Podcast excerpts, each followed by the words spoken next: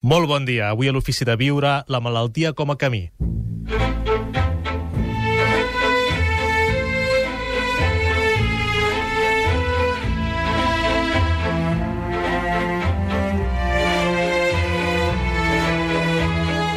Gaspar Hernández, l'Ofici de Viure.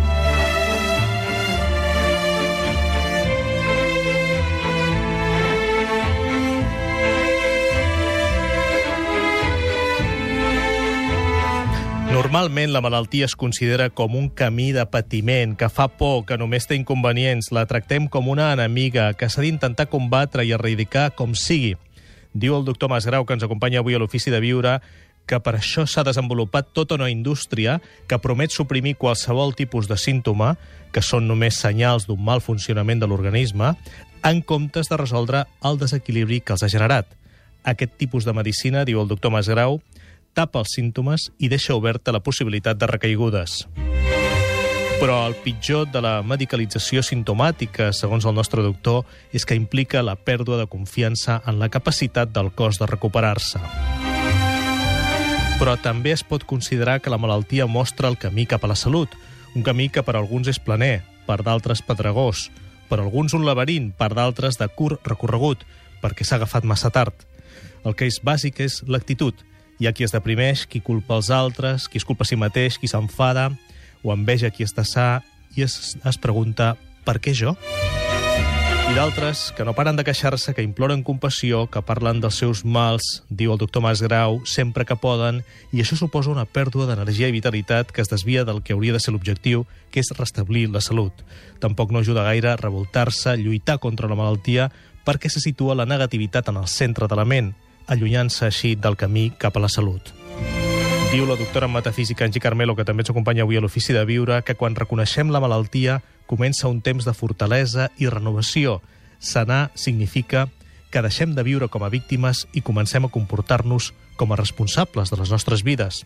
Diu el doctor Masgrau que la millor actitud per transitar pel camí de la malaltia és acceptar-la, el que no vol dir resignar-s'hi, com un fenomen natural, sense càrregues emotives, com el resultat de l'adaptació a unes condicions de vida antinaturals que s'han de corregir o rectificar mitjançant l'adaptació d'hàbits més sants propis de la naturalesa.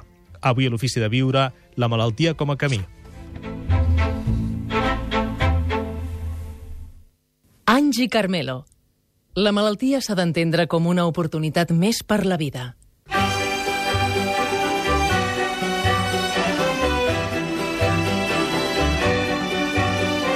Buenos días. Yo soy Carmelo Vizcarra, soy médico y me dedico a ayudar a la gente en una búsqueda de la salud. No tanto tratar la enfermedad, sino favorecer la salud. En latín, la enfermedad proviene de la palabra infirmus, lo no firme, lo que no puede sostenerse por sí mismo. Y en esta pérdida de equilibrio, los síntomas de la enfermedad desagradables en sí mismos nos impulsan hacia la búsqueda de la curación. El dolor lleva conciencia a las zonas que no somos conscientes. Una rodilla que duele puede indicar que hemos cogido unos kilos últimamente, que no hacemos ejercicio o que estamos tensos y rígidos ante la vida. Con frecuencia la enfermedad expresa lo no dicho, lo no expresado, lo no vivido. Nos señala cómo vivimos y también lo que no vivimos, lo reprimido, lo callado. Es una opción de conciencia e impulso hacia el cambio. Lo que no aprendemos por discernimiento, lo hacemos por sufrimiento, decía Antonio Blay. El dolor también nos hace más sensibles. Aquel que sufre o ha sufrido una enfermedad comprende mejor el dolor y la enfermedad de otro ser humano enfermo. Se pone en su lugar y puede acompañarle, y el dolor compartido siempre es un poco menos dolor.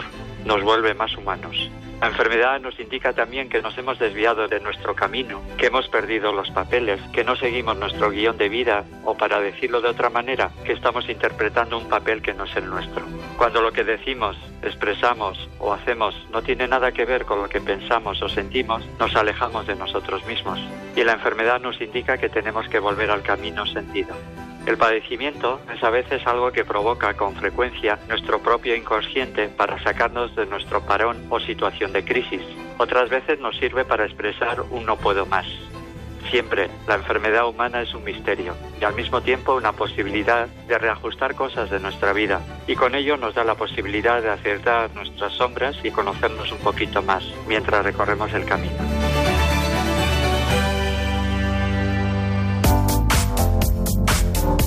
Avui a l'Ofici de Viure, la malaltia com a camí. En parlem amb el doctor Masgrau. Miquel Masgrau, molt bon dia, ben retrobat. Bon dia. I amb Angie Carmelo, doctora en metafísica, especialista en acompanyament del dol, autora de nombrosos llibres sobre la mort, el dol, la malaltia. Angie, molt bon dia, ben retrobada. Molt bon dia. La, la malaltia per vostè seria un camí cap on? Un camí d'autoconeixement, de creixement, de curació? De què? Es, es, es, es un camino que nos, um, nos, no es que nos fuerce, pero si nosotros no lo teníamos muy claro, es un camino que nos va a aclarar muchísimo, porque de pronto aquello que nosotros considerábamos como dado por hecho empieza a peligrar. Entonces, es un tiempo de aclararnos, es un tiempo de conocernos, es un tiempo y un camino de reconocer y fortalecerse, hacer herramientas nuevas, nuevas capacidades. Y es un camino de duelo. Ya sabes que lo mío es el duelo, ¿no, Gaspar?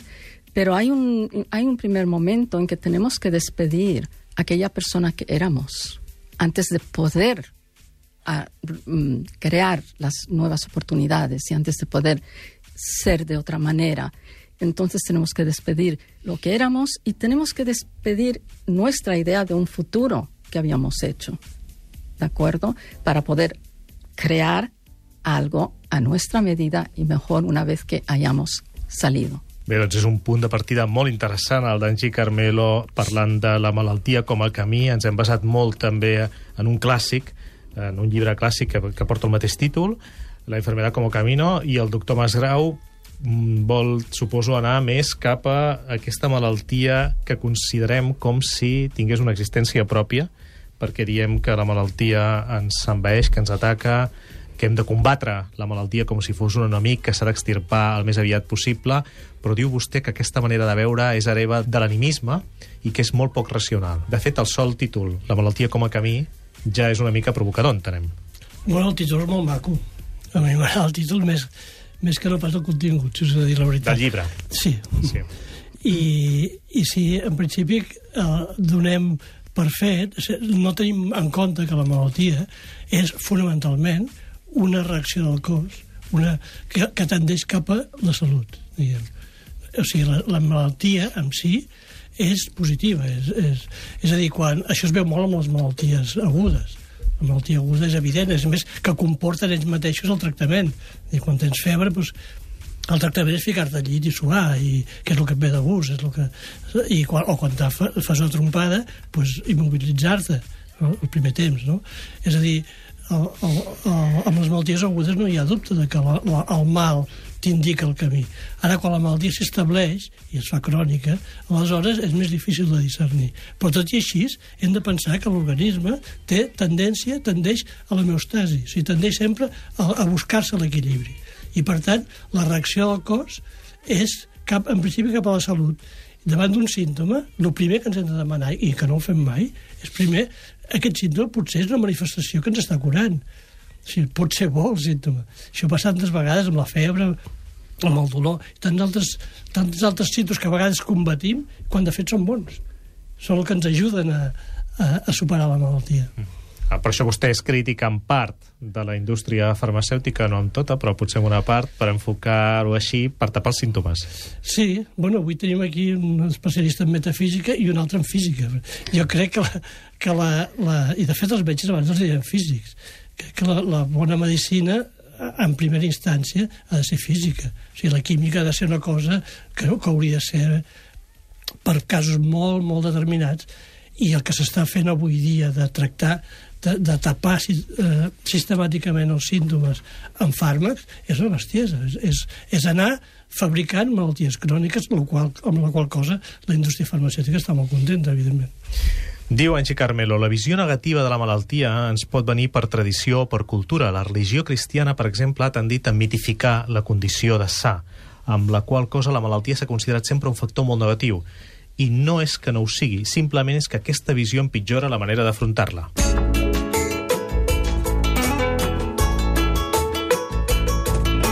Enric Corbera. La malaltia és l'esforç que fa la naturalesa per sanar l'home. No hi hem de lluitar en contra, sinó integrar-la, comprendre-la i transcendir-la. Angie Carmelo, per què té tan mala premsa la malaltia? Bueno, hay muchas creencias, algunas de ellas religiosas, que apuntan a que uno tiene que estar sano físicamente para estar perfecto. Entonces, uh, hoy en día sabemos que eso no es así, como ha hablado el doctor. Sí. Entonces, lo que yo quería mm, resaltar es que hay toda una nueva forma de, de, ver las cosas, ¿de acuerdo? Y ya no estamos viendo la enfermedad como nos lo vendían antes, como algo horrible. Pero dentro de esa nueva forma hay un pensamiento que está diciendo que has hecho mal. Es, es un pensamiento tipo New Age, ¿no? Porque claro, como estamos diciendo que cuando te enfermas es porque no has hecho lo que tenías que pensar o no has hecho lo que a ti te tenía que gustar y entonces entra esta eh, que te dicen, ah, ahora gente muy, muy, muy avanzada en todo esto y de pronto te preguntan, ¿qué habrás hecho mal? ¿Que no estás, estás meditando, no estás meditando? Toda una serie de cosas que en vez de ayudar están como frenando, ¿no? No sé si lo he explicado bien, però sí, un perfectament. poco... També és veritat que sempre ho solen acompanyar del fet que no, no ens hem de sentir culpables per tenir una determinada Exacte. malaltia. Sí. Això també cal insistir Sí, en això. sí, sí. I aleshores, quin és el missatge que vostè llançaria?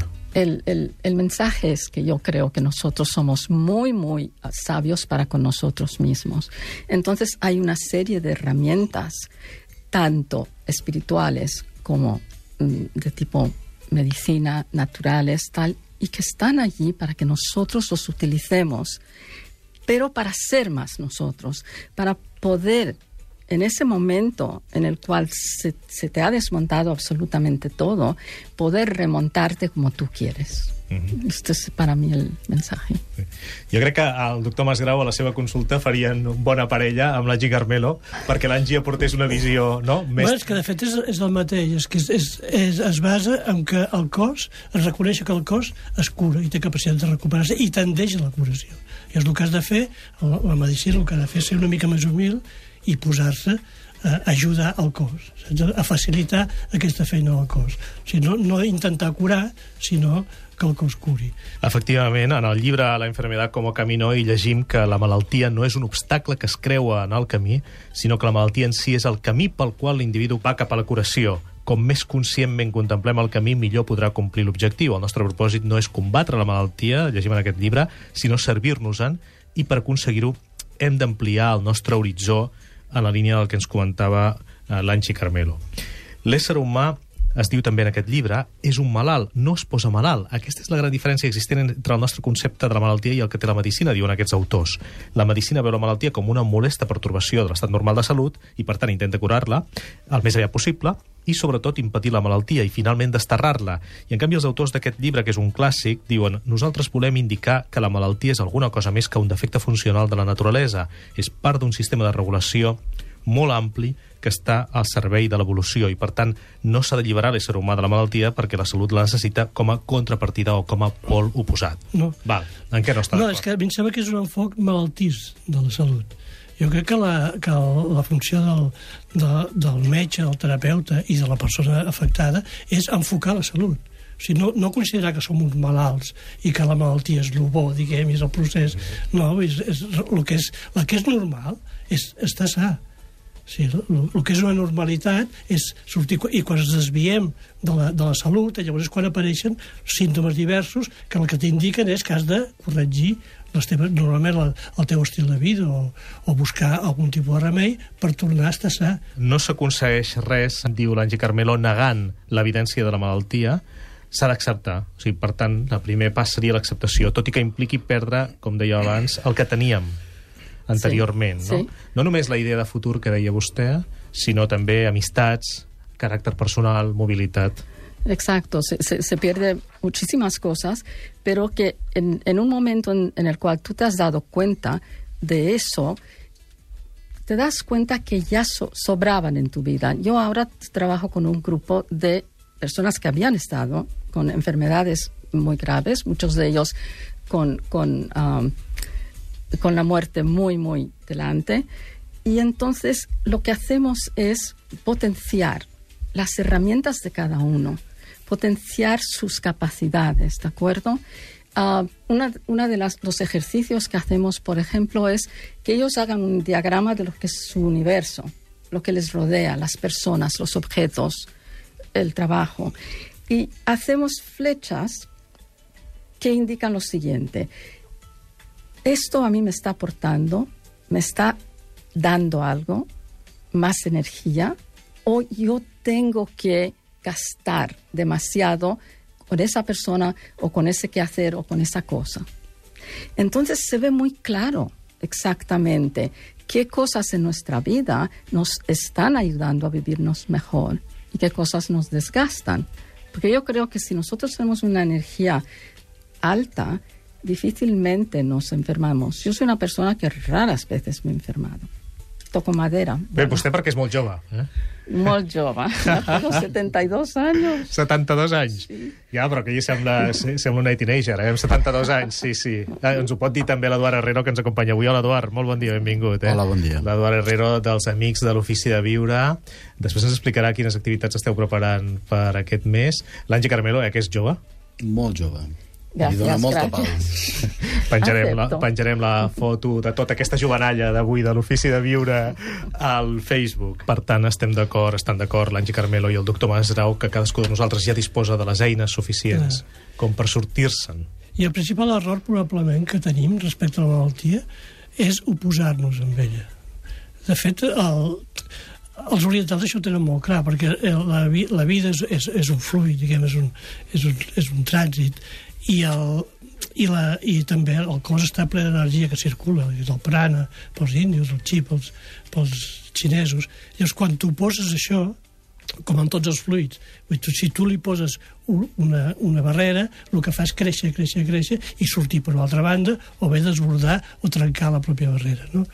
I llavors això jo crec que és la principal lliçó que podem treure del, del dia d'avui. A, la, a la malaltia, en principi, no t'hi has de posar o sigui, has de col·laborar amb ella, l'has de reconduir, saps? L'has de, de en, en casos greus, que és el que la relangi, eh, no, serà un canvi important a la vida, però normalment no, normalment no té perquè ser, ser, pot ser un canvi a millor, o sigui, i, i és això el que hem d'aspirar. Però per això és important que tant el terapeuta com el, com el, el malalt enfoqui la salut, no, no es quedi amb la malaltia. O sigui, la malaltia és, és, és realment una cosa que has de passar per sobre. No? Saps? És, és un indicador. Vull dir, no pots anar a topar contra ell. Eh? Mm. I en el moment en què diem és que cal combatre aquesta determinada malaltia, fatal, la veiem com un enemic. Fa, jo el considero fatal. Això el considero que és la mare de tots els mals. No s'ha de combatre les malalties, en principi. Hi ha malalties que, ven, que són externes, per exemple, i, i que arriba a un cert grau, per exemple, una meningitis, no? Evidentment, això porta les portes a la mort i a la UBI i a, i a urgències estan salvant cada dia gent gràcies a, a combatre la combat, malaltia. sí. No? Però per lo que és normalment la, la, la, la, la salut i l'assistència la, mèdica hauria de borrar-se aquesta paraula. S'ha de fomentar la salut. I doncs, la, la bona medicina és la que es cura, sobrepa, es, et sobreposa a la malaltia a base de fomentar la salut. El Gandhi deia, deia una cosa, li van dir, quin és el camí de la pau? I va dir, pues, la pau és el camí. No? Pues el, podien dir el mateix. Quin és el camí de la salut? La salut és el camí. Per això diguem que no prenguem tantes pastilles, entre altres coses. Angie? Sí, es un poco como lo que había dicho antes, ¿no? Que hay que aceptar, no hay que resignarse. Y para mí la diferencia es que la aceptación es activa, potencia. La resignación te hace más como un papel de víctima, ¿no? Entonces siempre las actitudes uh, buenas y positivas van bien. El decir, por ejemplo, cuando tienes una enfermedad, yo no quiero morir, no es lo mismo que decir yo quiero vivir. Entonces el yo quiero vivir ya te está abriendo una puerta que te va a ayudar a seguir. Avui a l'Ofici de Viure de Catalunya Ràdio, la malaltia com a camí.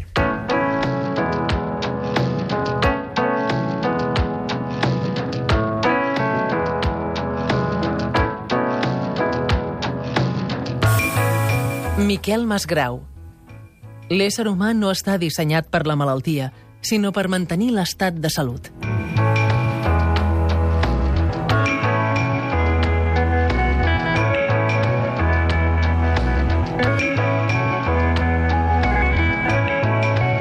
Moltes gràcies a les amigues i als amics de l'Ofici de Viure de Catalunya Ràdio per les vostres aportacions.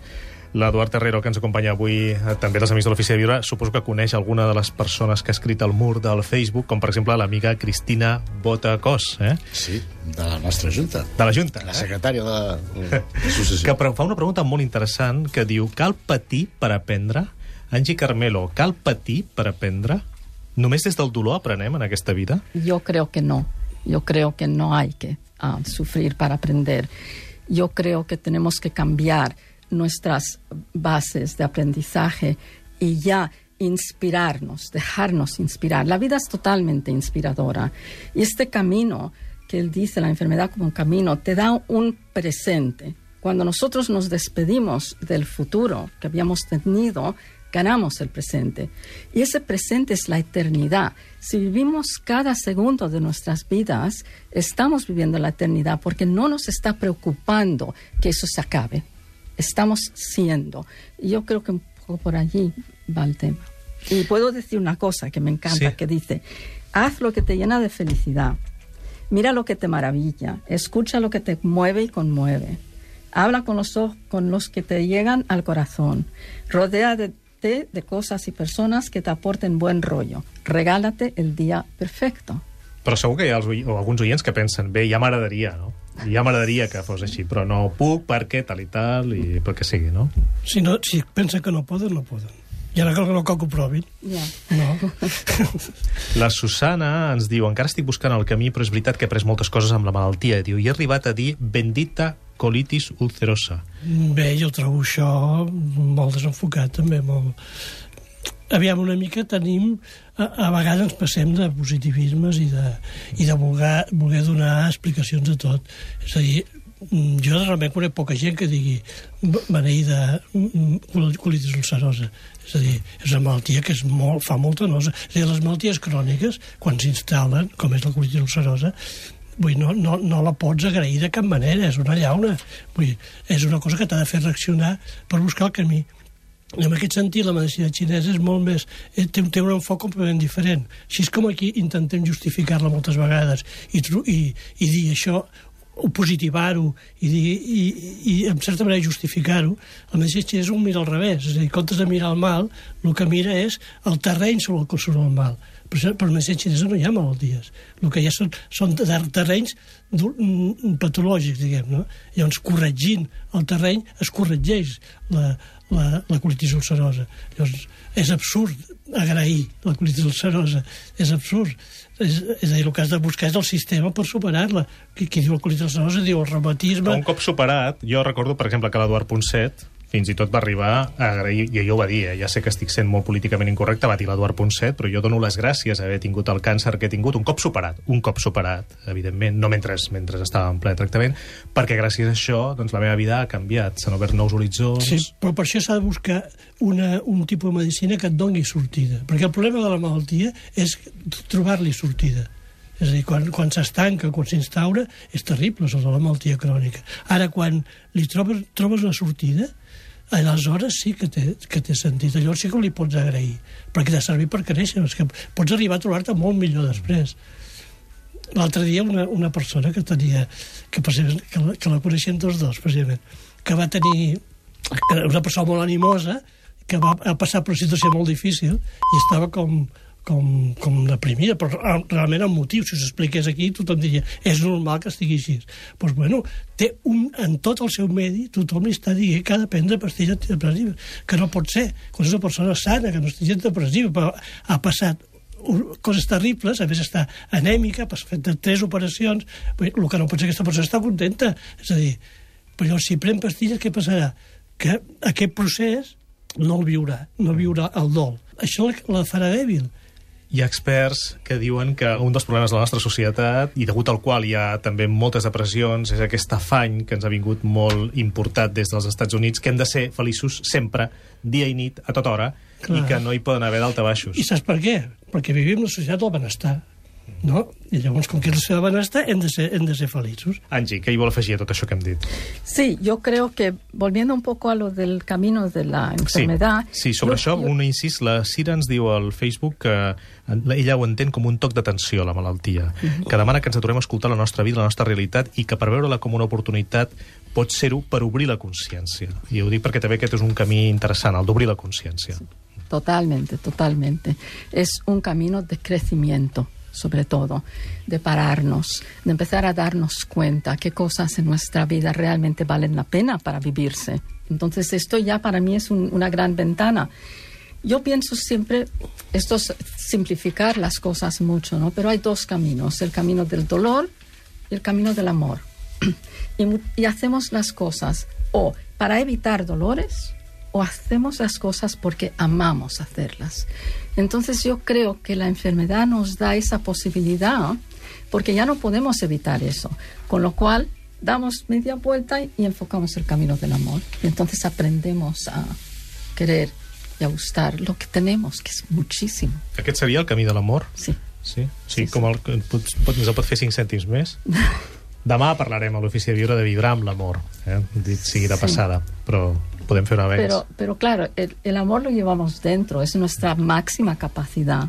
Entonces, si nosotros nos dan la oportunidad de sacarlo, entonces esto es, ya está, tenemos la puerta abierta. Si no, pareces tonta, ¿no? Porque hay gente que van por allí, pero cuando ya tienes algo serio que te ha pasado y sacas esta fuerza, ya te ven con otros ojos. Y entonces, pues, empiezas a amar, a apreciar, a estar con tu gente bien, no sé, a, a amar la vida. Louis Hay. Si s'està disposat a fer la feina d'alliberar i perdonar, es pot curar pràcticament qualsevol cosa. Bé, això ho diu Louise Hay, que és una mica la mare del pensament positiu. Aquí Sí. suposo que el doctor Masgrau no hi està d'acord, eh? Sí, no, Sí, jo estic ah, d'acord. Aviam, però el pensament positiu és una actitud positiva, tampoc, tampoc és ser bobo, no? Allò agafar-t'ho tot bé. Però sí que tenir una actitud positiva davant les dificultats. En aquest sentit, la malaltia és interessant en la mesura en què enforteix. Si el que fa és debilitar-te, aleshores no. I en aquest sentit, els fàrmacs, moltes vegades, el que fan és debilitar. És a dir, tot el que sigui impedir que el cos reaccioni quan el cos en té prou per superar la malaltia és debilitar, llavors no convé. Eduard Herrero hi volia afegir el seu comentari. Sí, jo només, i per la meva experiència pròpia, eh, dic que potser hi ha dos aspectes. Un és la malaltia com un procés càncer, malalties d'aquestes que necessiten un tractament i tal, i l'altra la que et ve una bufetada terrible, com un ictus, per exemple, és el meu cas, i a partir d'aquell moment surts a les 72 hores de la UBI i ja has fet una transformació brutal, i aleshores sí que comences un camí de...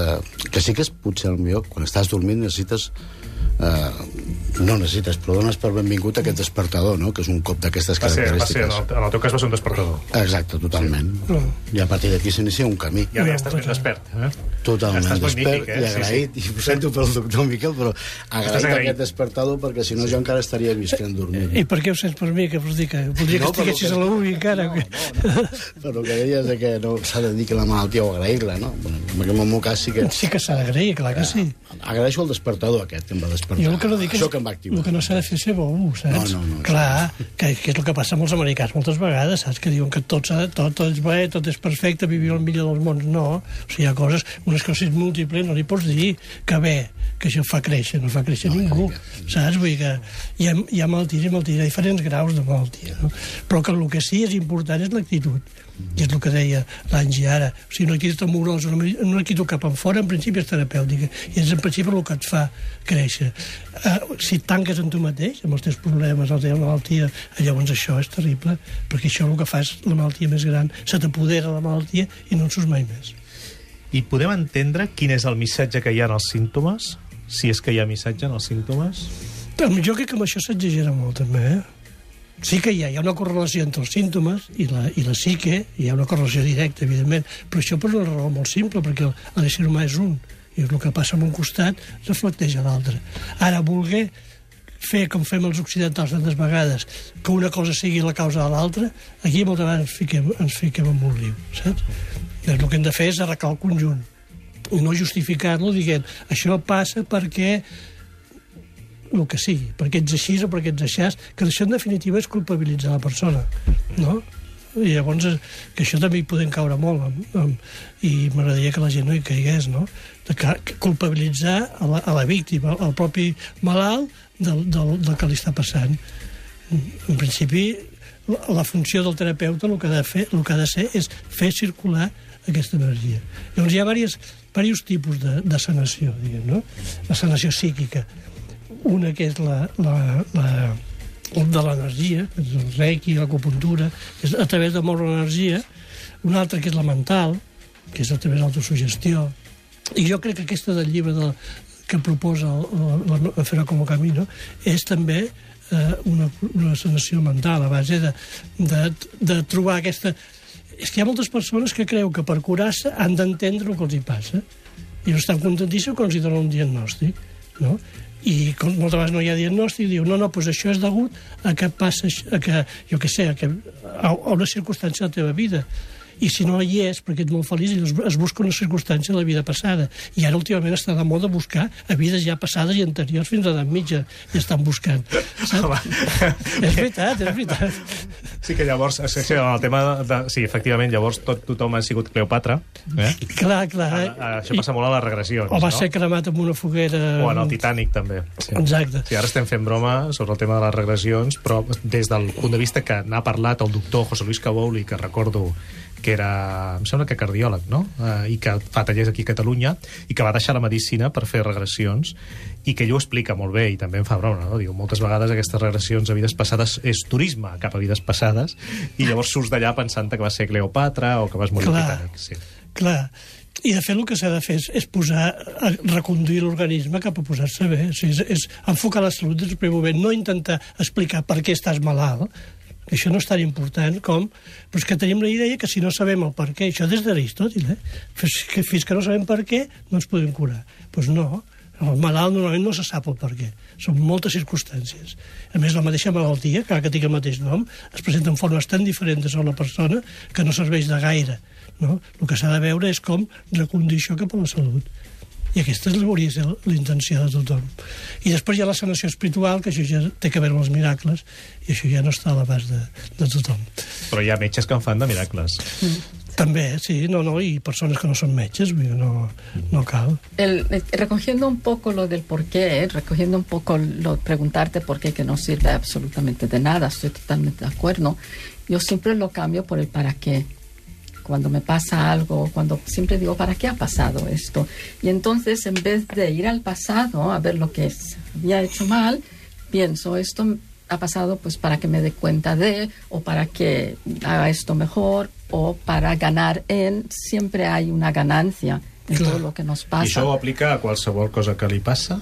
Sí, ¿Para qué? intento. ¿Para, ¿para qué en qué? vez de por qué? Sí. I la meva pregunta és, i com s'arregla això? O sigui, com me'n puc sortir d'aquí? Quina és la sortida? Això és, això és el pensament positiu, de veritat. I si no hi ha sortida? Sempre hi ha sortida. Sempre. Sempre hi ha sortida. Sempre hi ha sortida? Sempre hi ha sortida. Val. Encara que estiguis a les portes de l'amor és igual, o sigui, sempre hi ha sortida. Que és, és, és, de fet, la sortida és la pau, és la, la tranquil·litat, és la- l'estar bé, és la salut. I això pot passar això just abans de morir, eh? No. La, la- la- la salida surtida es la sanación, no la curación, Exacte. ¿de acuerdo? Entonces, seria la diferència? el sanarte es curarte por dentro, de verdad, de tu interior, tu- tu- tus emociones o tu... Y la curación es curarte físicamente. Muchas veces morimos sanos, fantásticamente sanos, o sea que... mm. I, Angie, amb aquestes persones amb les quals vostè treballa que diu que van estar a les portes de la mort i que, i que no van morir, clar, el, el, la, vostè creu que també hi ha un cert agraïment cap a la malaltia passada? Sí, y, y como hacia la propia vida. O sea que es- están los que vienen a mis grupos están como mucho más agradecidos en la vida, lo, lo ah, aprecian más. Luego piensan, no lo estoy haciendo suficiente, ¿no? Pero sí que lo están haciendo. Lo que pasa es que muchas veces al principio nos damos cuenta que hemos cambiado. Eso es una cosa que quiero un poco resaltar, ¿no? Porque al principio pensamos, mira, he aprendido, estoy haciendo las cosas como mucho más, mucho mejor, me estoy esforzando, estoy poniendo atención y se sigue haciendo. lo que pasa es que como ya se ha vuelto un hábito, que es maravilloso, ya piensan que no lo hacen, pero sí que lo hacen y que la gente cambia. Y yo que quería, ah, que no tiene nada que ver con todo eso, porque tú preguntaste si habían médicos que sanaban, que sí, por supuesto, el médico, su forma de ser tiene mucho que ver. Y cualquier persona que está contigo, mientras enfermeras o tal, siempre cuando es positiva, cuando te viene con la sonrisa, todo eso se agradece un rato, mucho. Moltíssim. I per caracteritzar això, potser, jo crec que és molt important el que hi ha a la ment del, del senador, diguem, del, de la, persona- del terapeuta, del metge, del qui sigui. És a dir, és la capacitat que té la persona que tracta de visualitzar a aquella persona amb salut. Això ajuda moltíssim, això transmet salut. Això dir, els metges, bueno, la medicina oficial diria que és una solemne bestiesa, no? Sí, això és molt espiritual, eh? No, pues és que és així, és que funciona així. Ha funcionat així des de la prehistòria, a més a més. Però és que ara que si les transaminases, que si no sé quantes, et, perds amb els detalls i et oblides que lo important és que realment si tu ets capaç de veure que aquella persona sana, l'ajudes molt a sanar. I el malalt igual. Si ell es veu eh, capaç, de, eh, se sent com, com sa, com curat, ja, ja està, està molt camí... I és el camí, diguem, per curar-se. No?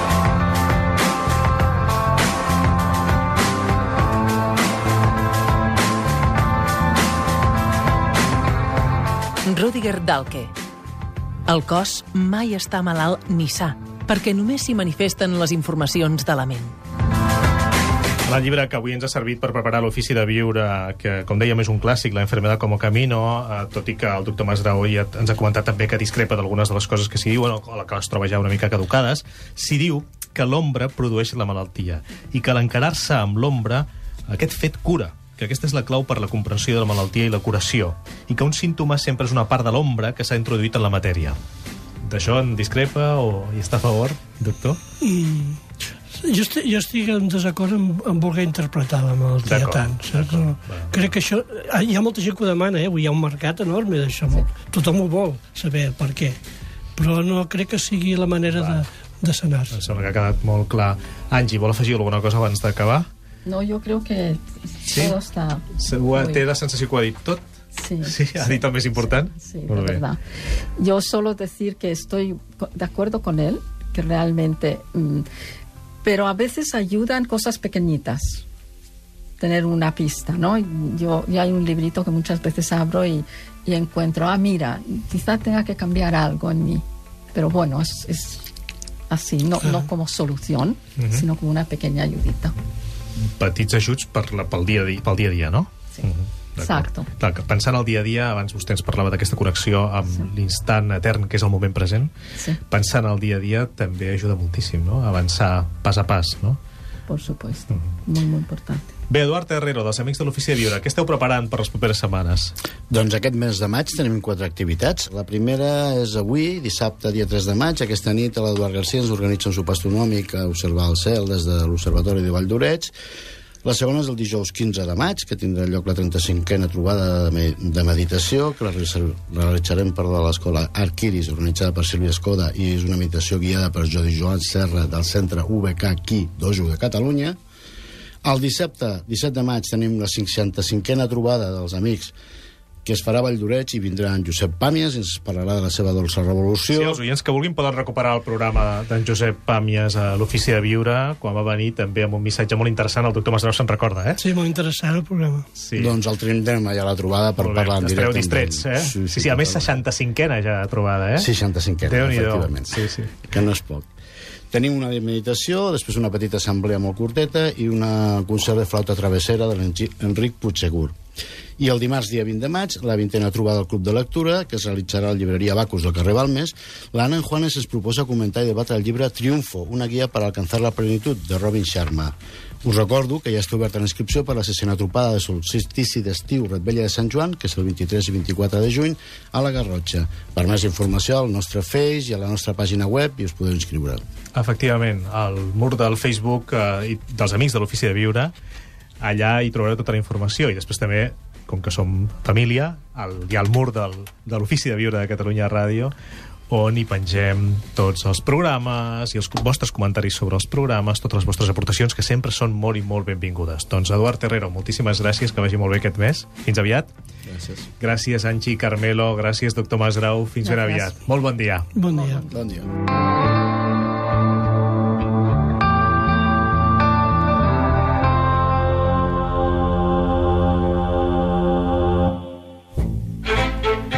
Soc Àlex Rovira i aquests són els principis de l'ofici de viure.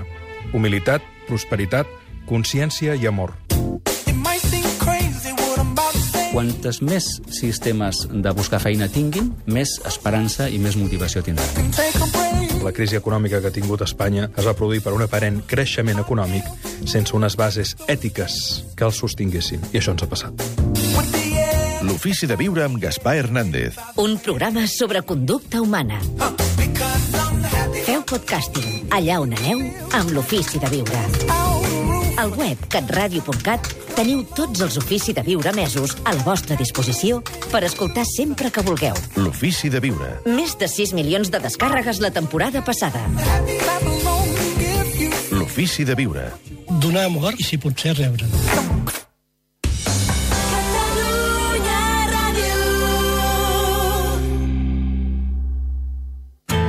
El periódico presenta el mètode Lucía Bultó, un mètode de 8 setmanes amb pautes per aprimar-te i aconseguir el teu pes òptim de manera equilibrada i saludable. Cada cap de setmana, una llibreta per només 3 euros amb 99 i un caldo a neto gratis. Con mi método te sentirás bien. Només amb el periódico. El dia 16 de maig a dos quarts de vuit del vespre, a la sala Rasmatàs, Mishima presenta en directe per primera vegada a Barcelona les cançons del seu nou disc, L'ànsia que cura. Per la seva banda, Masoni també farà trontollar el Rasmatàs amb el directe del seu darrer disc, Sacrifiqueu la princesa. Divendres, 16 de maig a dos quarts de vuit del vespre, al Rasmatàs de Barcelona, Mishima i Masoni en concert. Compra les teves entrades des de només 10 euros al web 3c.cat. Diari La Grada t'ofereix la col·lecció de clauers amb les samarretes històriques del Reial Club Esportiu Espanyol.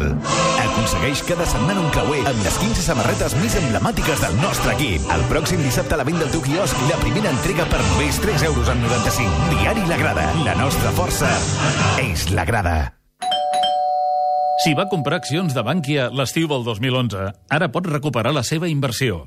Informis-se'n a bufeterosales.es. Ens pagarà quan recuperi els seus diners. 902 20 15 50. Catalunya Ràdio. Avui al Camp Nou es juga més que un partit.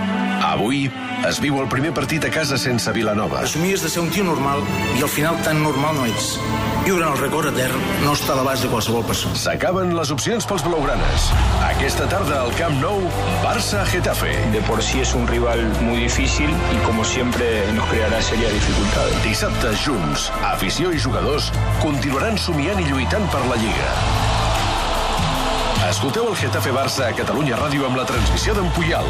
Avui, a partir de les 3 de la tarda. La liga no nos presenta un panorama favorable, tenemos la obligación de lucharla hasta último momento porque eso es lo que indican las matemáticas. La transmissió d'en Puyal. La narració del partit és una exclusiva de la Caixa. La Caixa dona suport a l'esport. Josep Fora, emprenedor. Si tú haces un producto que confías, crees en él, a todas las personas que quieran eh, emprender algo, hay que decirles adelante si el mundo está para los valientes. Si tens un projecte personal o professional, compta amb nosaltres. Microbank, banc social de la Caixa. El Tot Gira al Temple Esportiu del cap de setmana. Cada cap de setmana al Tot Gira fem esports i fem... Esports domèstics. Efectivament. Un espai on parlem amb els protagonistes de l'actualitat, encara que no ens agradin. ¿Viste que dos pedazos de goles que le metí a los alemanes rematando con la cabeza? Sí, ho van veure, Para que luego digan por ahí que yo no uso la cabeza. També fem servir el cap, ni que sigui per pensar en els reforços que necessita el Barça. Des de Wilova, companys, reclamem que el Barça faci fitxatges. Així aquí ha de fitxar. A l'Ascensi. L'Ascensi? Perquè mèrit ajustat l'Ascensi, uh, Messi... Els dissabtes i diumenges al Tot Gira, Manel Fuentes és tot esport. Esports domèstics. Segueix-nos al Facebook del Tot Gira, a les apps de Catalunya Ràdio i a catradio.cat. Segueix el món en blanc i blau amb l'aplicació de l'Espanyol de Catalunya Ràdio. Disponible per tots els dispositius mòbils Apple i Android. Fet a la mida dels seguidors pericos que volen estar a l'últim. Els resultats a l'instant, els calendaris, les classificacions, àudio a la carta amb les transmissions anteriors, informació exclusiva. I en joc, l'elecció del trofeu Dani Jarque. Vota per decidir el millor jugador de la temporada. L'aplicació de l'Espanyol.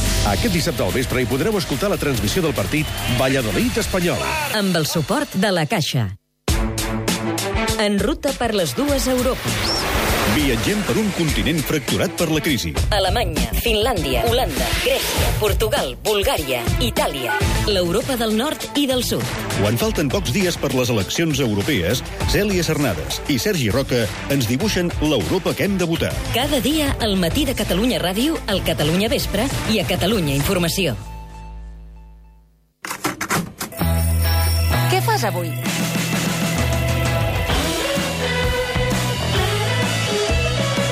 ICAT recomana.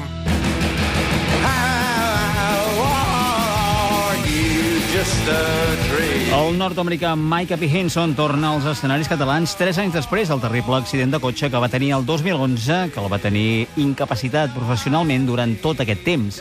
Hinson va aprofitar aquesta baixa laboral per revisar algunes de les cançons que tenia escrites i el resultat de tot plegat és Mike Henson and the Nothing, un disc que es va publicar el mes passat i que es va gravar a Santander amb músics locals i amb la supervisió de Fernando Macaya, guitarrista de Los Del Tonos. Avui el presenta en directe al Passeig de la Copa de Girona dins de la programació de l'onzena edició del Festival Insomni, on també hi trobareu els catalans Masoni i Supergegant. Demà diumenge, Mike Henson actua a la Sala Bars de Barcelona dins d'un altre festival, el Guitar Fest BSN. Els millors plans del dia a icat.cat. Vens?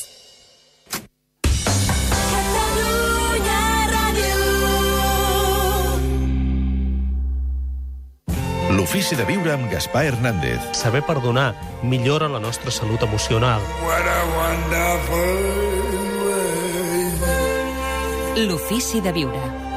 Un programa sobre conducta humana.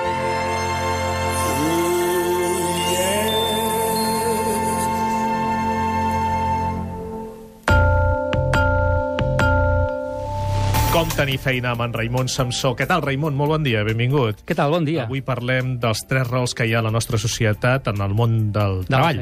Efectivament, és a dir, si som persones que volem una feina, segurament estarem ocu- ocupant un d'aquests tres rols. Si estem començant i som molt joves, per exemple, serem principiants, que seria una posició júnior, que és una persona que en realitat el que està venent és una diplomatura, una titulació, no té experiència.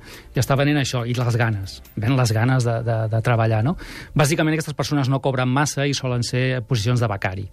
Si ja formem part d'un staff, ja portem més temps en una organització, en aquest cas serem eh, persones que tenen una feina, podem ser inclús funcionaris, i aquestes persones realment el que estan venent és experiència i hores. Però ja sabem que no tothom que ven experiència i hores doncs, o es guanya bé la vida o està molt content. De fet, alguns d'aquests serien eh, principiants desencantats. És a dir, no tots, eh, però alguna gent que està una mica desencantada de la seva feina. I finalment hi ha el tercer rol, que seria el, el, el, el més eh, complex, però seria el rol d'expert és a dir, una persona que és vital, que és un referent, que està diferenciada, és la que té més bones oportunitats, és aquella que sembla que tot ho fa molt fàcil i que eh, tot li va molt bé, i en realitat és així, però bàsicament és així perquè té una marca, té una marca eh, com a professional. I aquestes persones, en realitat, el que estan venent és talent i marca personal. Sí, no cal dir que en Raimon, que és el director de l'Institut d'Experts, defensa sobretot aquesta opció en què dius que obtenen grans resultats. Eh? Sí. Pel que fa al primer rol, dius que, de fet, el que volen en el fons és ser experts. Sí, és a dir, són persones que entren a la professió enlluernades per, la, per aquestes persones que ara mateix són experts i que estan liderant el mercat. Per tant, volen imitar, volen eh, seguir l'exemple d'aquestes persones. I el segon, aquests treballadors funcionaris, dius, home, fan la feina, però tu ets molt agosarat i dius, no van molt lluny. Eh, professionalment no, és a dir, la majoria, la gran majoria no arriba molt lluny dintre de l'organigrama i tampoc acaba aconseguint gran sou. Jo no dic que no facin bé la seva feina, que la fan molt bé, o que els hi agradi la seva feina, que moltíssima gent sí que li agrada la feina que fa. Però siguem sincers, la gran majoria no arriba molt alt i tampoc acaba cobrant massa. Bé, en Raimon això ho ha dit en un vídeo. Si els oients ho volen veure en un vídeo, on poden anar? Doncs poden anar a buscar a YouTube, tothom coneix YouTube, doncs simplement que, bus que posi Raimon Samsó i allà veurà els canals que tinc i cada setmana estic pujant un vídeo que parla sobre temes de, de feina, d'economia i de coneixement. Gràcies, Raimon. Que vagi molt bé. Molt bon dia. Gràcies.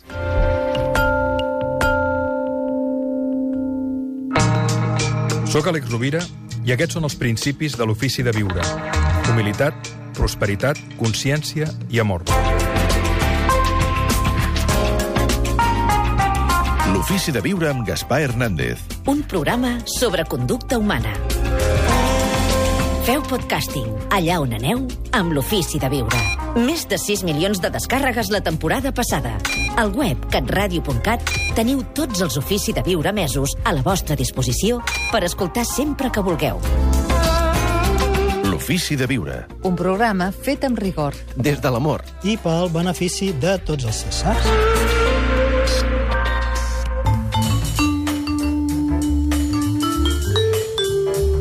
La meva noia és molt gelosa, fa sis mesos que sortim junts, jo tinc una bona relació amb la meva ex, la mare dels meus dos fills, parlem molt sovint per telèfon, gairebé sempre dels fills, però l'Eva, la meva xicota, no ho tolera, això. De fet, m'ha arribat a suggerir que limiti molt les meves comunicacions amb ella. Si sabés, per exemple, que de tant en tant quedem per fer un cafè perquè ens agrada compartir coses ara que no estem junts i que no ho estarem mai més, si sabés això, em muntaria un pollastre de pel·lícula. Com es pot reaccionar davant d'aquestes mostres de gelosia tan irracionals? Ernest, des de Castellbisbal. Gràcies, Ernest. Gràcies, Jordi Llavina. Molt bon dia. Bon dia i bona hora. Què li dius a l'Ernest? De Castellbisbal. Que com es pot reaccionar? Doncs més que reaccionar, jo diria que cal actuar preventivament.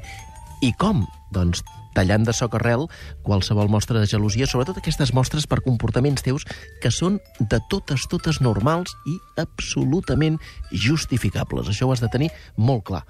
Ja ho va deixar escrit Montaigne, diu la gelosia de totes les malalties de l'esperit és aquella a la qual més coses serveixen de nodriment i cap de remei. En el fons, com hem dit tantes vegades en aquest programa, la gelosia respon a un sentiment de por, eh? bàsicament de por o d'inseguretat de la persona que sent aquesta afecció. No es tracta de comportar-se davant d'aquesta persona de manera que la seva gelosia se senti encara més potenciada. No. Però sí que, al meu entendre, se li ha de fer veure que d'aquesta manera no es va enlloc. Parar-ho, com et dic, de soc arrel, amb tacte, si vols, amb una certa delicadesa, per descomptat, però amb convicció. Aturar-ho, parar-li els peus, aquesta gelosia. Perquè no remet la gelosia. La gelosia actua sovint amb virulència i degenera.